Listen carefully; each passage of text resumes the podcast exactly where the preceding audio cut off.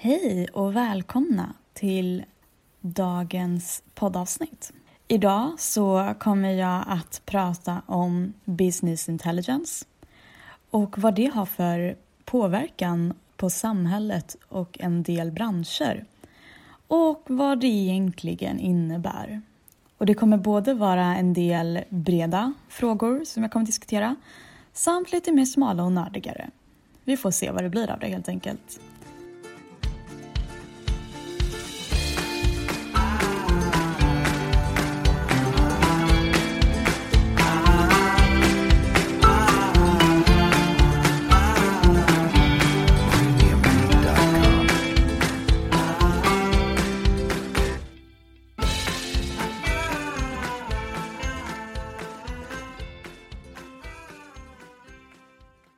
Så, Business Intelligence, BI, även kallat för beslutsstöd.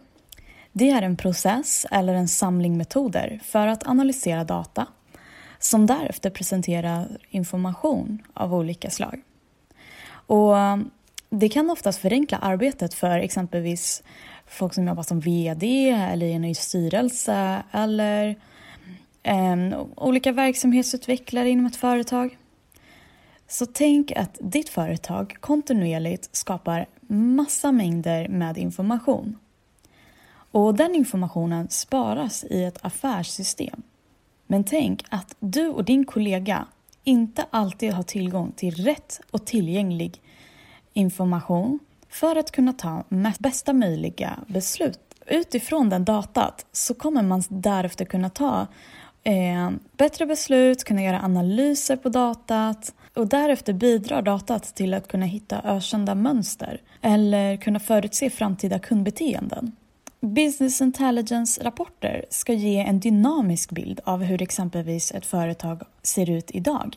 Säg att eh, jag jobbar på ett klädföretag och varje dag i kassan så slår jag ju in hur mycket det här...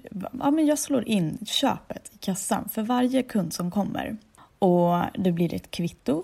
Kunden får kvittot. Men informationen om vad det är för kund och vad som har köpts, det lagras ju någonstans. Och den informationen sedan behöver ju styrelsen eller ledningen då för det här klädföretaget veta om. Och varför undrar ni?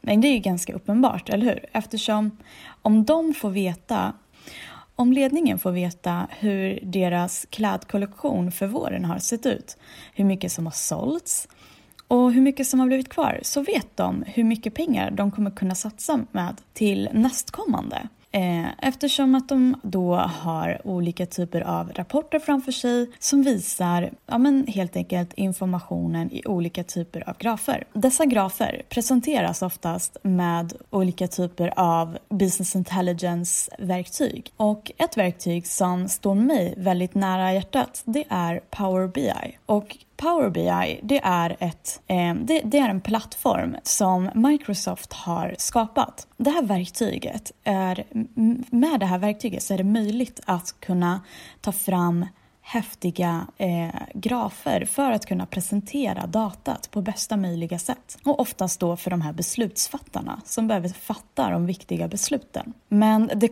det, det är självklart inte bara massa tjusiga grafer som vi pratar om här. Men eftersom jag inte ska gå för djupt in så eh, det är helt enkelt, men det är helt, helt enkelt information som trycks in i det här verktyget och görs om på ett läsbart sätt för beslutsfattare. Så okej, okay, med Business Intelligence-rapporter så kan man alltså visa dynamiska, dynamiska rapporter. Och detta kan ju både vara med veckovis eller månadsvis. Och det kan ju vara så att du kan tycka att något är väldigt viktigt och intressant att titta på. Men det kan ju skilja sig från vad din kollega istället anser är viktigt. Ett exempel från när jag var hos en kund. De hade extremt mycket data och den här datahanteringen, det var ett stort problem för dem. Och det behövde helt enkelt lösas med hjälp av en business intelligence-utvecklare. Så jag och några kollegor tjoffades ner dit. Vi kom på plats, förstod att okej, okay, det här och det här är vad kunden har, liksom, det är det här problemet de har. Och vi förstod att datat behöver lagras på ett effektivt sätt och sedan kunna presenteras för ledningen i gruppen. Och det är ju för att då de här i ledningsgruppen ska kunna se hur försäljningen har förändrats under en längre tid. Så de vill kunna se hur har det gått ett år tillbaka och hur ska vi kunna tänka på tills nästkommande år som kommer? Och det här är ett klassiskt exempel på beslutsstöd ute i verksamheter. Okej, okay, om vi nu ska sammanfatta det här. Business intelligence, som även kallas beslutsstöd, det är alltså en process eller en samling metoder för att analysera data och därefter presentera informationen. Och den här informationen kan både vara för en VD styrelsegrupper eller verksamhetsutvecklare. Alla möjliga typer av människor i alla möjliga typer av branscher. Det handlar om att ha en enkel uppföljning och förstå datat och kunna göra djupare analyser om det så att man är intresserad av det. Och det finns business intelligence-rapporter som kan ge en dynamisk bild av exempelvis hur ett företag ser ut just nu, vad de har för status. Och det kan både vara veckovis eller månadsvis. Det spelar helt enkelt ingen roll beroende på vad just företaget har för behov. Hur vill de se datat? Det kan flyttas runt och justeras utifrån vad som passar just dig bäst. Det finns alla möjliga typer av verktyg. Ett intressant verktyg enligt mig är Power BI som är ett Microsoft Act-verktyg. Och det finns hela tiden extremt mycket data som kommer in kontinuerligt och som behöver hanteras. Så det är en stor mängd data som behöver lagras på något sätt och sedan kunna presenteras för exempelvis en ledningsgrupp. Och det kan vara allt ifrån branscher som inom kläder till bilar till eh,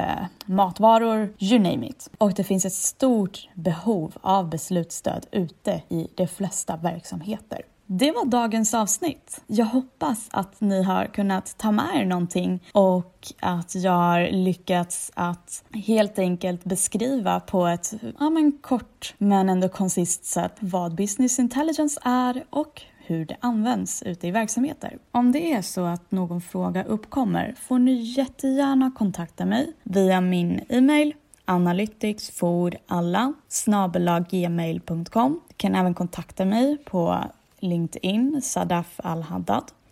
Eller på Instagram, Sadea. Ha det superbra tills dess. Stay tuned för nästkommande avsnitt.